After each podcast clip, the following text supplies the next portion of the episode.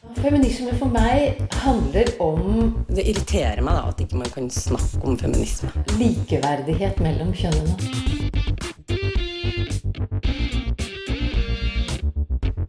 Det blikket på kvinnen på film. handlet det om å bli tatt på alvor som jente.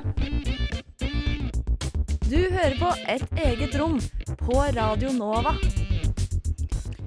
Vi bestemmer, ikke feministeliten, sier eh, Sylvi Listhaug. Men hvem er egentlig den her eh, feministeliten? Og hva er i så fall problematisk med den?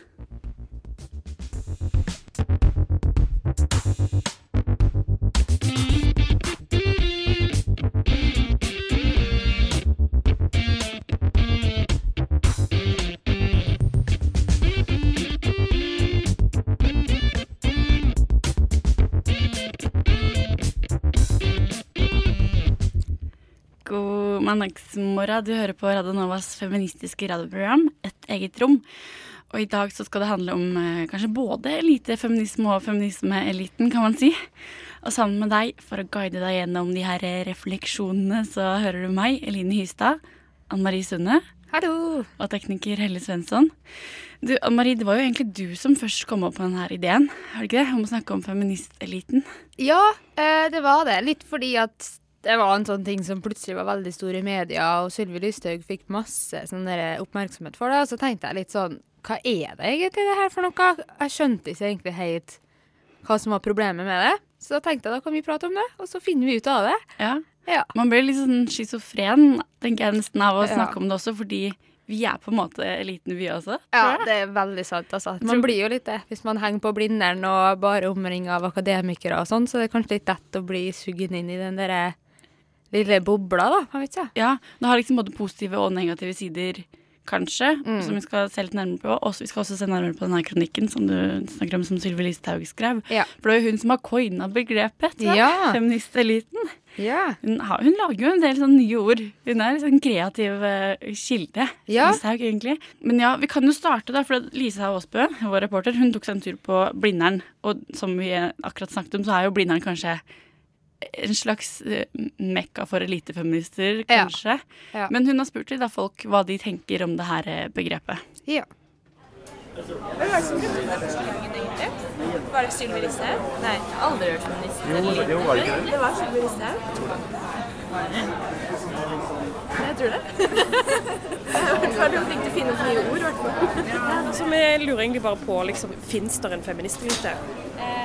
Hva er en feministelite? Jeg syns det er litt rart egentlig. Det er kanskje Mye av vanskeligheten rundt feministdebatten er at det kanskje ikke er lagt noe riktig grunnlag for hva, hvordan vi bruker begrepet. At det er ikke noen begrepsbevissthet. Altså snakker vi om feminisme ut fra liksom, Leser man det, det andre kjønnet, da, og så diskuterer man det ut fra det perspektivet til som man er? Eller, eller hvordan er det vi bruker et begrep, fra hvilket perspektiv? Da? Det føler jeg kanskje er preget mye av debatten som gjør at det blir mye uklarheter og misforståelser. Og at det egentlig ikke blir så, det blir ikke så frodig debatt, fordi premissene for hvordan, hva begrepet inneholder, hva det eh, peker til, ikke er satt. da.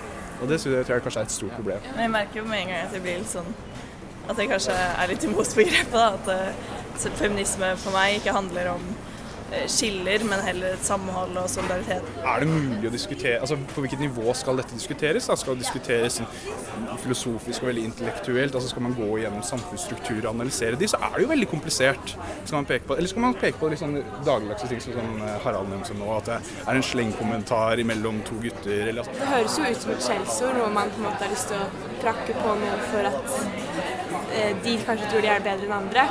Men jeg, jeg forstår ikke helt begrepet helt, det må jeg innrømme. Jeg syns det, er- jeg synes det er, er veldig rart å kalle noe elitisme fordi man har kunnskap innenfor det fagfeltet man snakker om. da. Altså, eh, Samme når det gjelder kultureliten også, som jeg skjønner kanskje at man får en oppfattelse av at det er liksom en liten mengde med folk som sitter med en slags autoritet. Så tenker jeg at den autoriteten er jo ikke gitt. Altså, det er, men det er en grunn til at man får tildelt den autoriteten man har. da. Jeg kjenner meg ikke helt igjen i det begrepet. Eller sånn Ja, jeg, nei, ja, jeg vil jo ikke at det skal være sånn. At uh, det bare skal være en, en gruppe, en overklasse, jeg si, av feminister eller sånn. Jeg vil at det skal gjelde alle, eller alle kvinner i samfunnet, eller alle alle menn og kvinner. Dette er vel, dette er vel liksom innenfor denne Sylvi Listhaug-uttalelsen, ikke sant? Ja. ja, altså Hun sitter jo og kaller, liksom roper høyt om eliten fra en sånn gigantisk bil og, med et, og et gigantisk hus og en gigantisk PR-karriere. Og, det, og, det, og så står hun og roper om at hun hater eliten. Jeg det syns det er noe som skurrer der. Jeg Altså. syns det er det som er dumt, da, at hvis det skal være liksom det å kjempe for rettigheter og sånn, at det skal være ja, som sagt forbeholdt noen, eh, og at man liksom Hvis man skal skape et begrep, så det å være feminist, at ikke alle kan være det, at du må være eh, vet ikke, superradikal eller sånn rødstrømpe eller medlem av Ottar for at du skal være.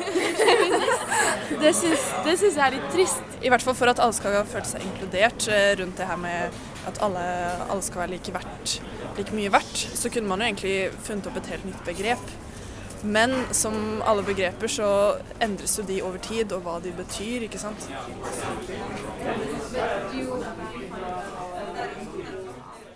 Tusen takk til reporter Lisa Aasbø og alle de her kjempetaleføre menneskene som kan Ja. hjelpe oss litt med å trekke i alle trådene rundt lite feministbegrepet. Uh, Det, altså det som starta hele debatten, da, som jeg allerede har sagt, det var jo denne kronikken, eller blogginnlegg. Det var Ja. jo blogginnlegg først og fremst. For Ja, Sylvi. Listhaug har jo fått seg en sånn mammablogg, egentlig. Ja, litt sånn fri. søt liten blogg, da. Ja. Mhm.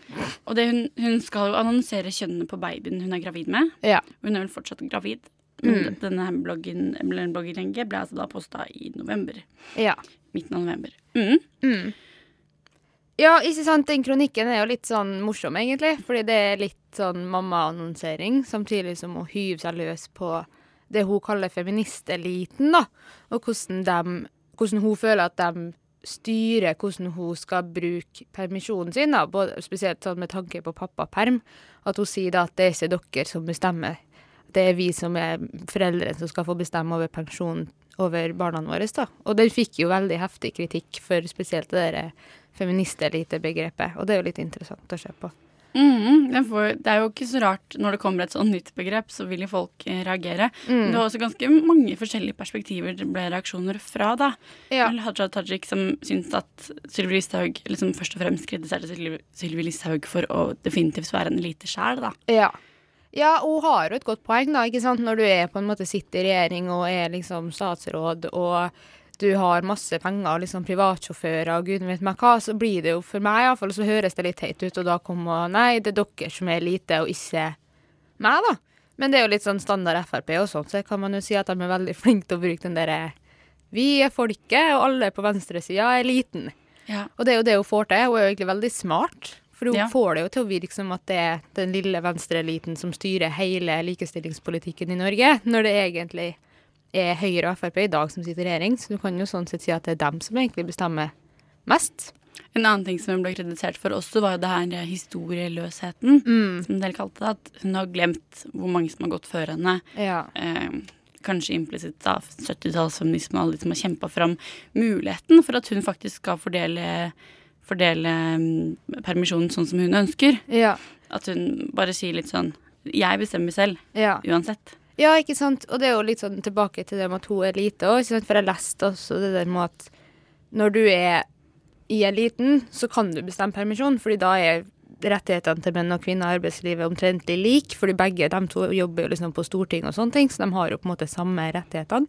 Men hvis du er eh, i en annen arbeidssituasjon, da, så er det lett at med mindre du har krav på Eller du må ha den permisjonen som mann, da, så får du ikke lov av arbeidsplassen til å ta ut mer enn det du har krav på, og sånne ting, fordi det lønner seg ikke i arbeidslivet, og gudene vet meg hva.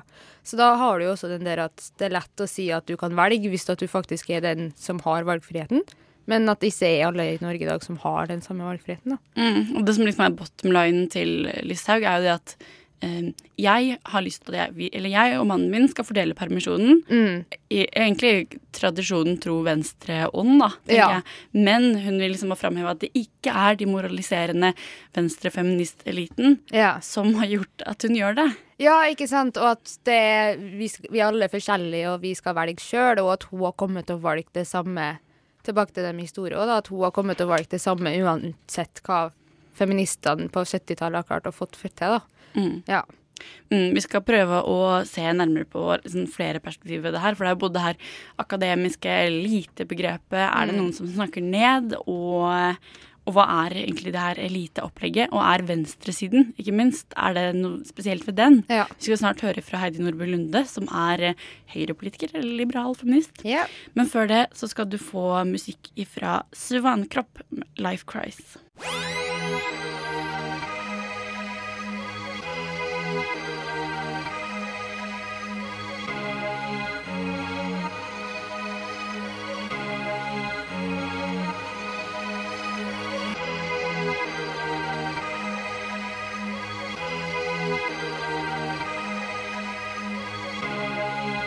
Siden 1982 har Radio Nova gitt deg favorittmusikken din, før du visste at du likte den.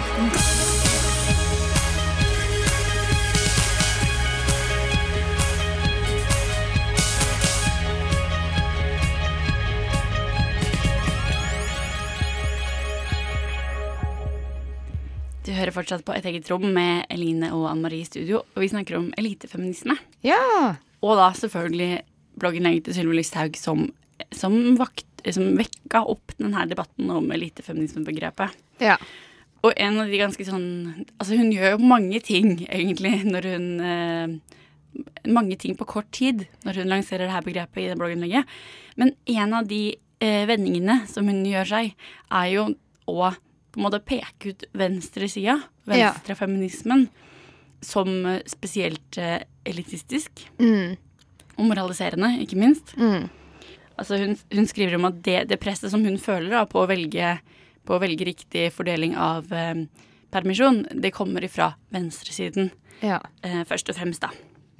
Ja, ikke sant? ja, men det er litt interessant det der at hun klarer å legge skylda på en hel side innen politikken. da. Selv om det er jo veldig mange forskjellige mennesker som er egentlig på begge sidene.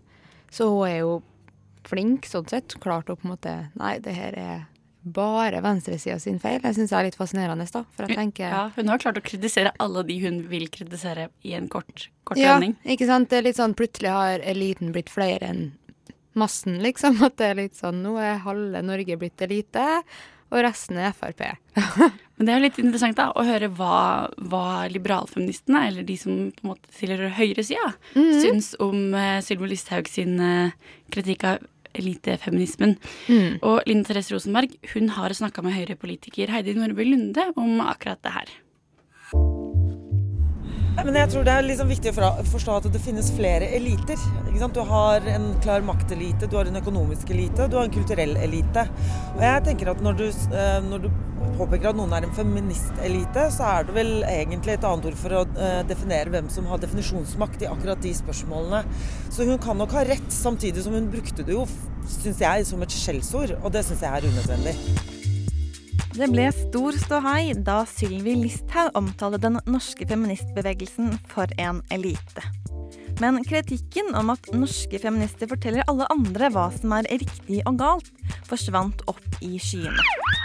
Høyre-politiker og feminist Heidi Nordby Lunde mener feministbevegelsen kunne ha godt av en ny debatt om mangfoldet og de motstridende meningene blant feminister. Ja, jeg syns at debatten har, har blitt mindre romslig. Ikke nødvendigvis moraliserende, men mer fordømmende. Hvis ikke alle er på akkurat det sporet som da denne feministeliten og de som har definisjonsmakt innen de spørsmålene, vil at den skal være på, så er du mot likestilling eller eh, gammeldags eller du ikke har forstått eller du er rasistisk og kjønnsfob. Da prøver du ikke å få folk med deg, men eh, du får heller folk mot deg. Og jeg har litt forståelse for det også. Enten det er transkjønnede eller i Oslo som nå foreslår at man skal ha si, toaletter som ikke er kjønnsdefinert, så skjønner jeg egentlig at innmari mange, altså min far, ikke har spesielt forståelse for det. Han skjønner ikke hva som er poenget. Noen har beveget seg veldig raskt framover, og jeg mener det er riktig å gjøre. Og så er det et etterslep av mange mennesker som ikke føler at de er inkludert i noen av våre begreper og våre debatter. Og det syns jeg vi også skal ta hensyn til. Så ikke moraliserende, men fordømmende, og det må vi være utrolig forsiktige med. Men tenker du eh, at hvis noen kritiserer eller kommer med sine meninger som er litt motstridende med det denne eliten, hvis vi kaller det, mener, at man litt for lett får en sånn forsvarsposisjon? En forsvarsposisjon eller angrepsposisjon. Eh, og det er nettopp det at istedenfor å reflektere over hva som faktisk sies, og dette gjelder jo ikke bare denne debatten i disse tider, det gjelder jo nesten alle debatter, så går man inn i en veldig polarisert debatt hvor du enten er med eller mot. Og det gjelder begge sider, det altså. Eh, så, så begge sider har på en måte ansvar for å kjøre debatten inn i riktig spor og prøve å tolke hverandre i beste mening. Det er jo det vi alle tror eh, og, og mener at vi ville ført debatten framover. Og så er det ingen av oss som egentlig er villig til å sette oss ned og egentlig reflektere over det. Eh, så ja, debattene hadde tjent seg på å bli mer inkluderende og omfavne flere utfordringer. Så vil jo veldig mange feminister da helt riktig påpeke at jo, men jeg jobber jo med disse sakene fordi at der har jeg en egen interesse. Så er det jo opp til alle andre å jobbe med den helheten. Og jeg blir også irritert når jeg hører særlig folk fra høyresida som gnåler over at uh, venstresida, eller feministene på venstresida, har svikta innvandrerkvinnene. Ja, men for helvete heller, da. Det er da ingen som nekter deg å engasjere deg for rettigheter for innvandrerkvinnene. Og de feministene jeg kjenner på venstresida, har jo alltid jobba mot vold, overgrep, voldtekt. Også uh, med minoritetsspørsmål. Så jeg syns at den kritikken er helt urimelig, og da syns jeg at de som anklager venstresidefeministene for det, bør ta seg sammen og kanskje se på hva kan jeg gjøre for likestillinga i dag. De klassiske likestillingssakene angår alle, mener feministene. Men er det ikke en tendens til at de som har definisjonsmakten, ofte er utdannede kvinner som er bosatt i byene? Så hva med stemmene til resten av landet? Ja, jeg tror det er det jeg kaller et etterslep. Eh, at man har kommet veldig langt eh, innenfor noen områder. Jeg tror nok at mye av debatten om både likestillingsspørsmål og kvinnesak eh, kanskje har beveget seg i en retning hvor veldig mange mennesker ikke føler at det angår dem lenger. I den grad de noensinne har følt at det har angått dem.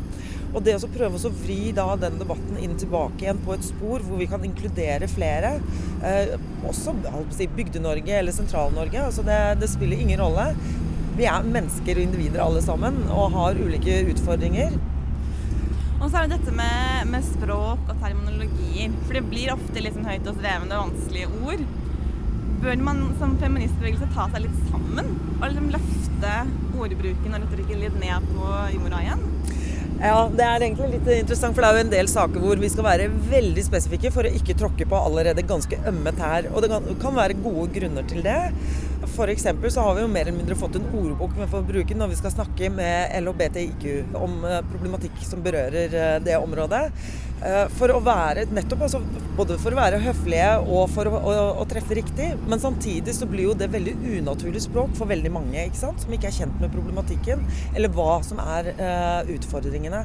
Og det er klart at da mister du veldig mange mennesker. Men på den annen side, hva skal vi gjøre med det? da? Skal vi da fordumme språket helt til at det, vi ikke snakker om og med de det gjelder? Eller skal vi prøve å forklare det ytterligere? Og der Lunde mener mediene har et ansvar når det gjelder oppklaring av samtalen om likestilling. Hun mener det altfor ofte er for lite tid til å være nyansert og kunne utdype og forklare hva man mener når man debatterer likestilling i mediene. Vi fordummer eh, debatten dersom vi fortsetter sånn. Og der har både de som deltar i debatten og de som skaper den, et ansvar.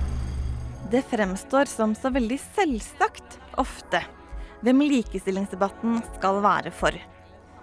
Lunde mener man i Norge i større grad bør snakke om hvem man representerer, og at man enkelte ganger i større grad bør tørre å være litt mer kritisk til vår egen kvinnebevegelse. Vi hadde nok stått oss på å, å være flinkere til uh, å forklare, og ikke heller ta for gitt at når vi har Women's March foran Stortinget, så uh, er det ikke alle kvinner i hele Norge som føler at vi treffer dem. Så også være litt mer konkret på hva vi egentlig holder på med. Linda Therese Rosenberg hørte som snakka med Høyre-politiker Heidi Nordby Lunde om hva hun tenkte om eh, høyre- og venstreperspektivet i elitefeminismen. Vi skal snart snakke mer om elitefeminisme og få besøk av Katrine Sandnes, men før det så skal du få høre Kelly Owens.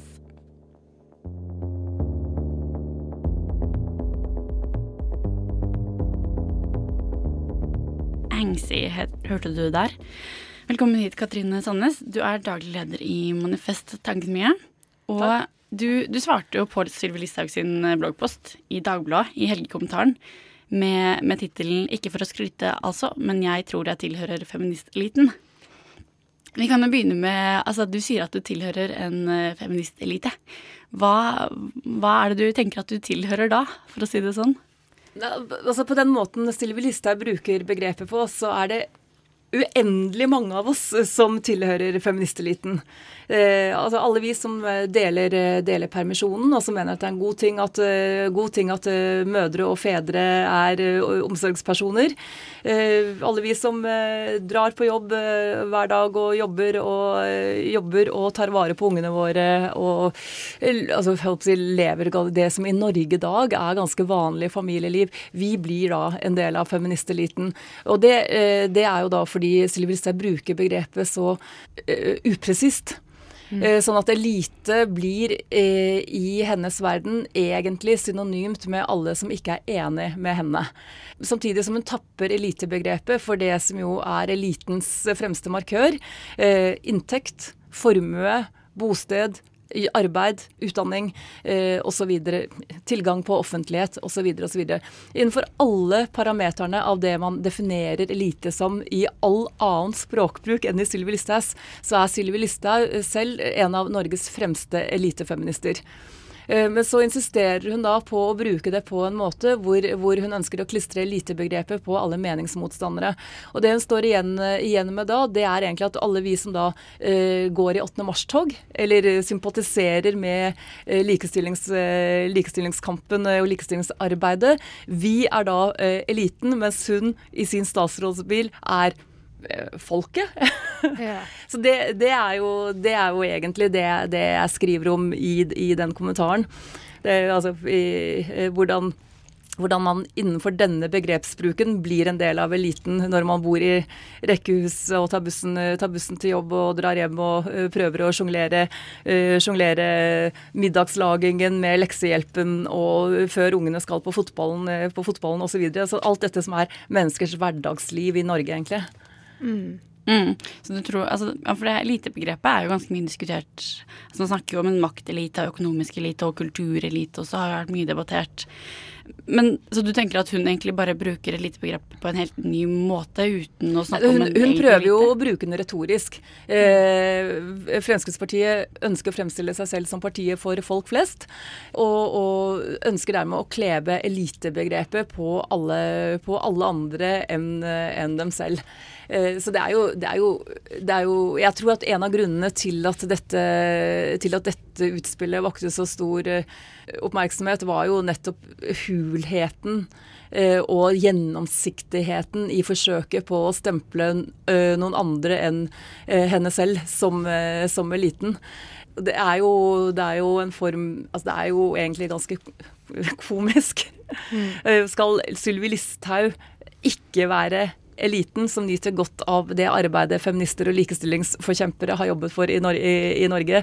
Og så er hun ikke selv en representant for det kvinner, eh, det kvinner har, har, muligheten til det livet kvinner har muligheten til å leve i Norge i dag. Mm. Mens, eh, mens, eh, de som eh, er tillitsvalgte i fagbevegelsen, som jobber for heltidsstillinger i helsesektoren, og de som, de som går med palestinaskjerf i 8. mars-togene, er de mer elite enn Sylvi Listhaug? Det faller jo på sin egen dumhet.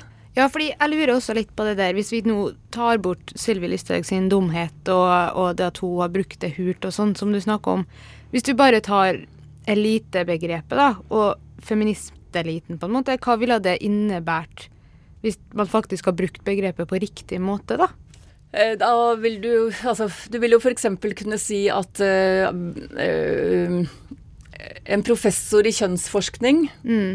eh, vil, vil, kanskje kunne sies å utgjøre en feministelite, fordi vedkommende da vil uttale seg på bakgrunn av eh, tung forskning, eh, eksempelvis, eh, som, eh, og som du var inne på i det tidligere innslaget her.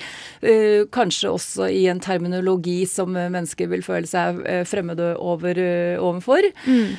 Du kan også si altså, hvis man skulle brukt begrepet mer presist, så uh, jeg personlig ville nok også kunne ha, uh, kunne ha, kommet inn under en definisjon av en slags uh, elitefeminist, i den forstand at jeg har ganske god tilgang på medier. Mm. Sånn, at, sånn, at, det er lettere for meg å komme til, eh, komme til uttrykk enn for eh, helsepleieren som slåss for en fulltidsstilling. Eh, Så der, eh, det er, det er måter å bruke dette begrepet på som kunne ha gitt mening. Mm. Den meningen, mens, eh, Men dette, dette utspillet til lista her var ikke det. Ja. Det opplever jeg som en, eh, som en tilsløring av noe som jo eh, åpenbart er en, er en skjevhet i skjevhet. Og det, men, men det som er viktigere enn det, det er, det er også en tilsløring av de utfordringene og problemene som faktisk også finne, finnes i Norge. Ja. Uh, Særlig, særlig altså, uh, heltidsstillingsproblematikken, Mm. som jo nettopp, nettopp er en eh, helt sånn grunnleggende et grunnleggende fravær av frihet i mange mennesker, i- altså i en del kvinners liv Mm. i livet i dag. Og det, det, er, det, det, er liksom, det er innenfor disse, disse bransjene her Ja. eh, at eh, likestillingskampen fortsatt har en, eh, har en lang vei å gå, også, også i Norge i dag. Mm. Eh, og det er veldig lite attraktivt eh, i mediene og for norske politikere å snakke om. Mm. Men hvis man, hvis man mener alvor med at man, eh, med at man ønsker å, gjøre, å måte, gjøre mennesker fri, eh, som jeg tenker at det er utgangspunktet for, for eh, jeg håper å både feminismen og antirasismen. eh, Mm. Det, eh, så er det jo nettopp inn i disse feltene vi må rette oppmerksomheten. Mm. Og der, der kan man si, der er eh, Sylvi Listhaug eh, en tilslører. Ja. Og så lykkes hun jo også ganske godt med at man eh, ender med å diskutere hvem som egentlig er, er eh, elite. Om det er Sylvi Listhaug eller, eh, eller meg eller, eller eh, 8. mars-toget. eh, 8. mars-toget, Mens, mens man ikke Fortsatt, man fortsatt ikke snakker om disse, eh, disse skjevhetene som, Mm. eh, som, som fins, og som vi, vi, må liksom, vi må jobbe med dag ut og dag inn. Ja, ikke sant. Og du tenker at kritikken blir så den, den er så lite konstruktiv, da, rett og slett? Eller? Nei, jeg synes ikke altså, når, når, når vi har en statsråd som kommer med så tåpelige uttalelser, så er man nødt til å svare på det. Ja, ja fordi altså, hun kunne brukt den plassen til å øh, komme med så mange andre viktige poenger, da. Definitivt. Mm. Definitivt. Og ikke minst som integreringsminister så har hun Mm. et, en, en enorm jobb å gjøre for Ja. integreringen av innvandrerkvinner i, i Norge. Mm. Uh, og for, for likestillingsarbeidet for, for uh, alle kvinner, men, også, men da særlig for, for innvandrerkvinner, som da ligger innen, innenfor hennes felt. Det som ligger i, i voksen, voksenopplæring, videregående skoleopplæring eh, og, og mulig, altså det å sørge for at eh, kvinner eh, som innvandrer til Norge vil kunne ha reelle muligheter enten til å klare seg selv eh, og til å bli selvstendig i Norge, men i hvert fall til å bidra til å gjøre den veien kortere for barna deres. Og det er sånn, Skal man snakke feminisme, man, feminisme så er det mer enn nok å ta av i Sylvi Listhaugs eget departement. Du skal være med oss litt til, Katrine, og vi skal snakke mer om elitefeminismen. Men før det så skal du få litt noir-pop, kaller de det selv. Eh, Daydream the Dark med Which Way.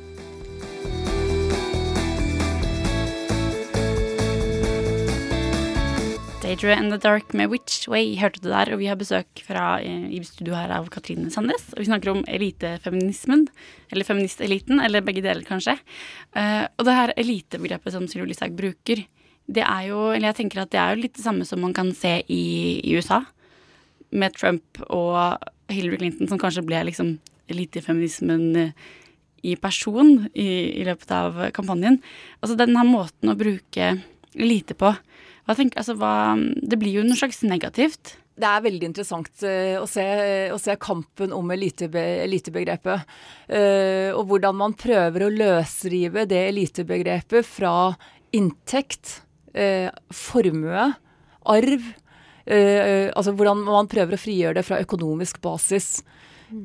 Eh, og det er sånn, Alle som ikke har penger, vet at uh, penger er den viktigste uh, faktoren for at du skal kunne være reelt fri. Skal du ha valgfrihet i livet ditt, så må du ha det, det, penger nok til å, til å sikre det grunnleggende. Og økono økonomisk frihet og økonomisk trygghet. Uten disse tingene så, så, så er det lite rom for, for, å bygge, for å bygge videre i pyramiden. Eh, dette er det Trump lykkes ganske godt med i sin valgkamp. Hvordan man plutselig så bort fra eh, man så bort fra eh, hele den økonomiske delen av politikken hans som handler om å styrke finansnæringen og styrke, styrke milliardærsjiktet. Det er også noe av det spillet, det spillet denne regjeringen her lykkes ganske godt med, faktisk. Eh, og så vrir man det over og sier at eh, den økonomiske eliten er ikke den egentlige eliten. Den eh, eliten er egentlig de som har meningshegemoni. Mm. Eh, og så ser man bort også, så, så ser man også bort fra liksom, ja, men altså, stemmer det? Denne ideen, ideen om den venstrevridde pressen eksempelvis, eller den ideen om alle, alle, kvinnene, alle kvinnene som, har, som skriver, eh, skriver på kommentatorplass osv.. Eh, som, eh, som, om det som om det er her den reelle makta i samfunnet, samfunnet ligger. Det er, det er veldig interessant, eh, interessant å se, og det er interessant som politisk retorikk. Eh, og så er det interessant å se eh, hvordan det ser ut til å gi gjenklang hos folk hos flertallet eh, langt, langt derifra. Men, men det, har, det har en eller annen Det, har liksom, det treffer et eller annet i, som, som jeg tror bunner i en form for utrygghet og en opplevelse av at, eh, av at eh, liksom fundamentet vakler, vakler under, under folk. Og så griper man tak i det som er det letteste å se. Og det er klart, Norge har gjennomgått enorme endringer på, i løpet av et århundre. Både med arbeidermakt og med, og med kvinnemakt. eh, Som, som og, ikke, og ikke minst med innvandring som gjør at Norge Altså, vi står i en, en, i en stor endring. Øh, og det, det, gjør jo, det gjør jo at øh, Det gjør jo da, når man kombinerer det med en opplevelse av økonomisk utrygghet også, og høyere arbeidsledighet, og et mye tøffere press i arbeidsmarkedet, så er det lett å, øh, å angripe de som kom til bordet sist, hadde jeg nær sagt. I dette, dette tilfellet da, øh, kvinner øh, eller innvandrere. Mm. Tenker du da at eh, for det, altså, at problemet med denne elitebruken er at det egentlig ikke handler om makta? At det blir en mer sånn vag elite som, som Altså det handler ikke om de som er den ekte eliten, og som, med, som snakker høyest? Jeg, jeg, tror tror elitebegrepet, hvordan den eh, måten man bruker det på, hvor, måten, eh, hvilke måter som gir gjenklang, i, gjenklang i, eh, hos, eh, hos folk, handler jo om det handler jo om avmakt. Uh, avmakt, Og hvor er det man opplever at, uh, at avmakten er synligst eller tydeligst? Eh, og hvor, hvor er det man opplever at man eh, kan gjøre noe med det, eller hvor det er ønskelig, ønskelig å gjøre noe med det. Og jeg, synes, og der jeg syns det er veldig interessant å se at man at eh, tyngdepunktet, tyngdepunktet i eh, hele nett, nettkommentariatfeltet er så tett knyttet til eh, fiendtlighet mot kvinner og innvandring, mens, mens den økonomiske eliten, som jo har blitt rikere og rikere, og som har dratt fra, både globalt, men også, også i Norge, hvordan de tilsynelatende slipper, slipper unna. Uh, uten å være Uten å bli møtt, uh, møtt av raseri fra, fra, eh, fra så mange. Det, det, det overrasker meg litt. og det er og det er jo akkurat i denne kilen her hvor jeg opplever at høyrepopulistene er, er ganske flinke. Eh, Og jeg tenker at eh, valget i USA har, har demonstrert det eh, aller tydeligst til nå. Ja. ja, fordi jeg tenkte litt på det der, fordi det er jo noen som nå etter valget har sagt at litt av grunnen til at Hillary tapte, var fordi hun var veldig sånn hvit elitefeminist, og at hun ikke tok vare på afroamerikanere og latinamerikanske kvinner og sånn i USA. Og så tenker jeg litt sånn, er det paralleller man kan dra til Norge, hvis man tenker at man også har en feministelite her, da? Er det, er det sånn i Norge òg, at feminismen ikke tar vare på det brede spekteret av kvinner man har, da? Er det for altså kvitt-dominert, skulle jeg si? Jeg vil si at eh, parodien, pa, parodien eh, som handler om at eh, altså, som Man sier at Hillary tapte valget fordi den liberale eh, venstresida var, var så opptatt av eh, hva sier man sier transgender-toaletter. Mm. Hva er det han sier på norsk? Men, Ja. det, det er parodien. Eh, Samtidig, samtidig så er det jo helt absurd. For det er jo, det er jo nettopp den liberale venstresida som har vært helt ekstra, som har jo alltid har vært opptatt av kvinners rettigheter, Mm. av abort. eh, Ja. Av eh, eh, homofiles rettigheter. Og det samme, det samme ser du i Norge i dag. Er det noen som virkelig har jobbet, eh, jobbet for, eh, for innvandrerkvinner i alle år, så er det jo nettopp, nettopp den, den eh, idealistiske, eh, frivillige, organiserte venstresida. Mm. Enten, enten det er ved å bygge krisesentre de, altså de første jeg hørte som, som tematiserte kvinneundertrykkingen til Taliban, var Afghanistan-bevegelsen Mm. og, og, og kvinnebevegelsen inn i Norge. 10-15 år før, eh, før jeg hørte noen andre snakke om det. Mm. Og det, det er jo som eh, Og så kan man si at eh, Men det, dette har det da ikke vært noen interesse for å løfte, løfte ut i offentligheten. Men, men altså, en kvinne som, eh, som Tove Småla har, levd hele livet sitt i dette feltet. Og gjort en helt enestående, fantastisk eh, viktig eh, innsats for innvandrerkvinner og for, og for andre kvinner. Mm. Så husker at Da jeg begynte på skolen, da var det tillatt i Norge for en mann å voldta kona si. Ja. Det ble ikke ansett som voldtekt innenfor rammene av, et, av ekteskap. Dette arbeidet er det venstresidefeminister som har, som har jobbet fram. Mm. Det, det at det ikke er lov til å, eh, for en mann å slå kona si, har vært jobbet fram av, av venstresidefeminister. Dette er problemstillinger som har blitt løftet ut av privatsfæren Mm. og, blitt, eh, og tatt inn i, inn i lovverket. Hva har Donald Trump gjort for kvinner? Altså, det, er, det er jo eh, det er helt absurd å skulle velge Trump framfor Clinton hvis det er disse spørsmålene man er, man er genuint opptatt av. Så kan man si at, eh, si at Clinton var da Ja, hun var, altså hun var i høyeste grad en del av det politiske elitesjiktet. Og avstanden var ganske stor fra Hillary Clinton til den afroamerikanske servitrisen. Ekstremt stor. Men eh, den, er, den er jo da uendelig mye større Ja. enn, til, enn til Donald Trump. Og det er dette, det er dette gapet som, som, eh, som eh, Så jeg tenker at, eh, tenker at høyrepopulister har vært veldig gode til å få Til å eh, usynliggjøre på et eller annet underlig, underlig vis. Så spørsmålet kan, kan dette skje i Norge? Jeg tror motstandsdyktigheten er større her. Vi har et mye sterkere egalitært trykk i Norge. Eh, Den tause majoriteten i Norge eh, er ikke eh, en si, skaperrasist eller en som, en som sitter og ranter rundt på nettet Ja. på, på natta. Den, den tause majoriteten i Norge er anstendige, skikkelige folk, og som opplever at hvis folk kommer hit og gjør, gjør en, innsats, en innsats, så er de velkomne. Mm. Den, men det forutsetter trygghet. Mm. Altså den, eh, den, det forutsetter tillit til hverandre, og det forutsetter trygghet i bånd. Og det å ha eh, et gratis utdanningssystem, et gratis helsevesen, er helt grunnleggende. Mm. Og så kommer liksom oppå der trygt sted å bo. Trygge, trygge arbeidsplasser, eh, muligheten til å, påvirke, til å påvirke direkte både på arbeidsplassen din og politisk. Jeg tror at det som har, Noe av det som har skjedd i USA eh, over lang tid, altså reallønnsnedgangen, har jo vært helt dramatisk fra 70-tallet eh, og nedover. Så middelklassen har jo, har jo skrumpet inn og blitt, eh, blitt stadig mindre. Mm. Hvis, hvis det skjer i Norge, da kan man jo stille spørsmålet da, eh, altså, da må man jo faktisk stille spørsmålet om det politiske systemet fungerer.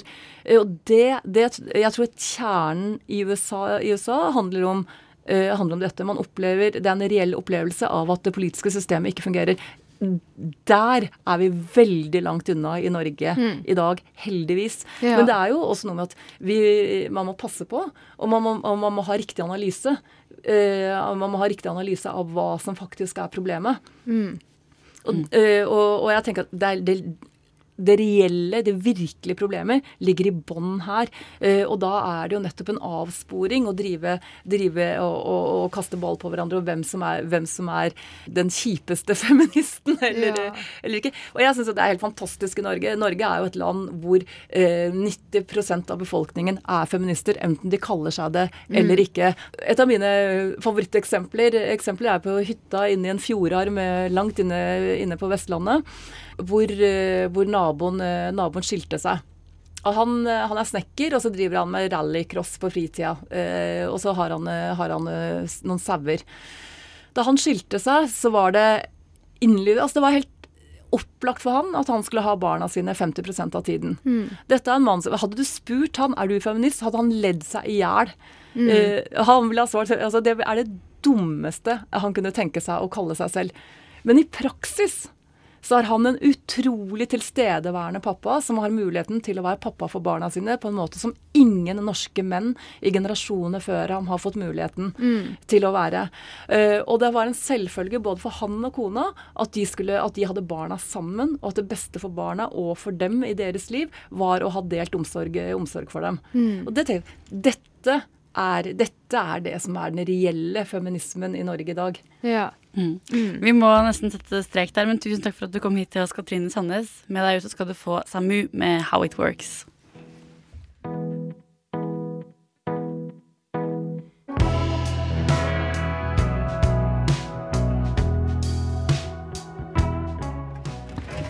Samu og How It Works. Der krasja du i mikrofonen, Marie.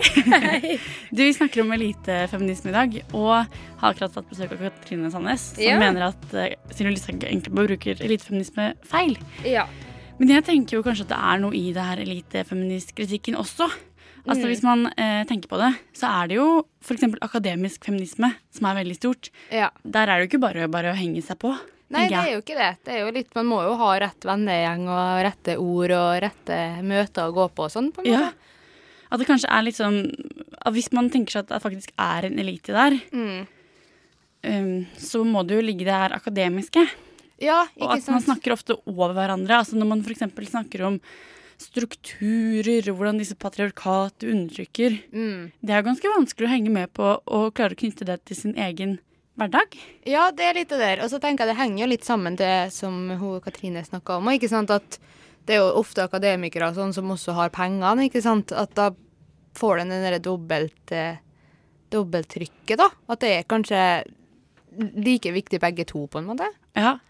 For å, bare for å illustrere, da, så har jeg klippa sammen eh, noen av de veldig vanskelige ordene som fins i feminismen. Mansplaining. Intersektionalitet. Mansplaining. All cisgender people. Cis men. Patriarchy. Intersektionalitet. Hva betyr Patriarchy. Intersektionalitet.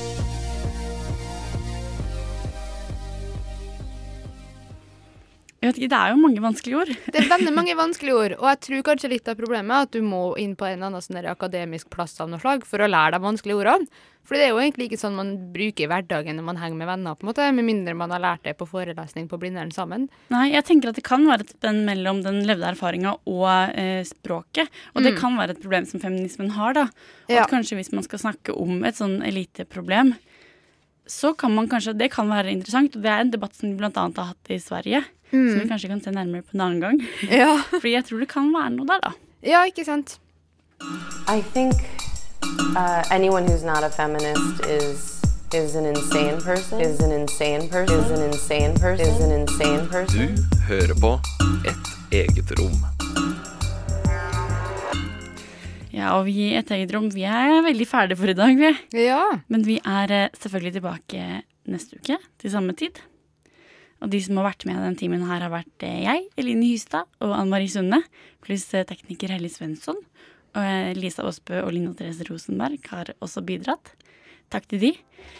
Neste uke skal vi snakke om kvinner som kjøper sex. Ja. Mm, det blir spennende. mellomtida, følg oss på Instagram, Facebook, Soundcloud og sånne ting. Det blir vi glad for. Si fra hvis det er noe du vil vi skal snakke om. Til slutt her så får du litt sånn drømmepop heter, det, fra Dava Eik, heter låta.